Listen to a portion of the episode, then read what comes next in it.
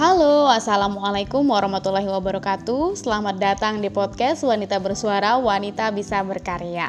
Apa kabar teman-teman? Semoga dalam keadaan yang sehat ya. Tetap jaga kesehatan, minum-minum vitamin dan uh, tetap berolahraga ya. Meskipun kita masih dalam masa pandemi Semoga teman-teman bisa menjaga diri teman-teman dengan baik gitu. Nah, di podcast Wanita Bersuara kali ini, aku akan membahas sesuatu yang sangat menarik. Nah, udah lama banget ya, aku sudah lama tidak update podcast karena memang banyak hal dan uh, seperti biasa ya, kesibukan yang membuat aku menjadi jarang untuk update podcast. Nah, kali ini aku akan bahas tentang uh, sesuatu yang menarik tadi yang aku bilang di awal. Aku akan bercerita tentang pilihan di mana kita harus dicintai ataukah mencintai gitu kan. Tapi di sini aku akan memfokuskan di mana sebenarnya e, banyak orang memilih untuk dicintai ya, meskipun ada yang memilih untuk mencintai gitu. Jadi di sini aku akan menjelaskan bagaimana alasan kenapa sih banyak orang memilih untuk dicintai gitu kan.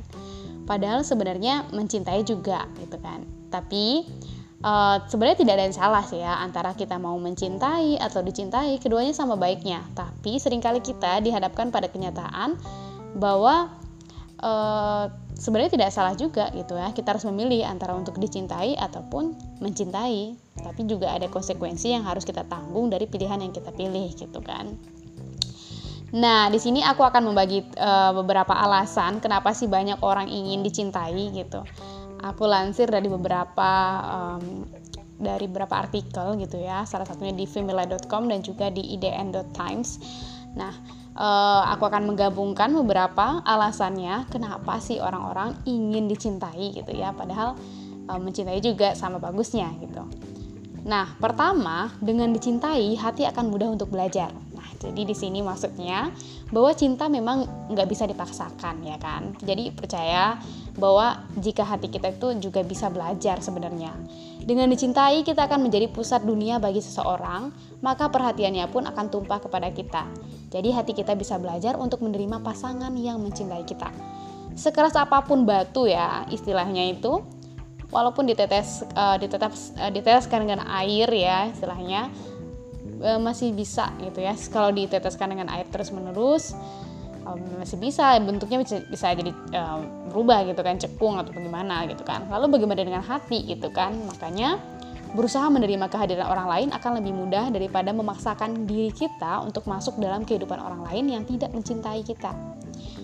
Nah tips kedua eh bukan tips ya alasan kedua cinta itu bertumbuh maka dicintai pun butuh proses mungkin kita tidak dapat langsung menerima cinta orang lain gitu kan. Perasaan butuh proses untuk menerima. Nah tapi dengan kebersamaan dengan seiring waktu kita akan menerima cinta dari orang tersebut. E, memang mungkin sulit gitu ya tapi percayalah dengan dicintai kita membuat e, membuat diri kita lebih mudah untuk belajar mencintai juga gitu. Dan alasan yang ketiga karena kita adalah kebahagiaan bagi orang lain ya. Karena kamu adalah kebahagiaan bagi orang lain. Ada pepatah yang mengatakan bahwa hidup di dunia itu akan menjadi sebab bagi orang lain. Bisa jadi kehadiran kita di dunia itu memberikan kebahagiaan bagi orang lain. Makanya jadi sebab kebahagiaan orang lain itu tidak kalah menyenangkan. Maka tidak ada salahnya jika kita belajar untuk menerima cinta orang lain. Ketulusan akan membuat jalan kita lebih mudah. Seperti itu Nah, selanjutnya alasan ya, kalau yang ini alasannya lebih ke apa ya? Lebih ke mungkin orang yang sudah putus asa untuk terus terus menerus mencintai gitu kan. Barulah dia uh, ada alasan untuk bisa men, uh, dicintai gitu. Nah, di sini uh, dilansir dari idntimes.com gitu ya. Yang pertama, kenapa orang lebih memilih untuk dicintai? Yaitu lelah menjadi orang yang selalu mencintai. Wow, ya kan?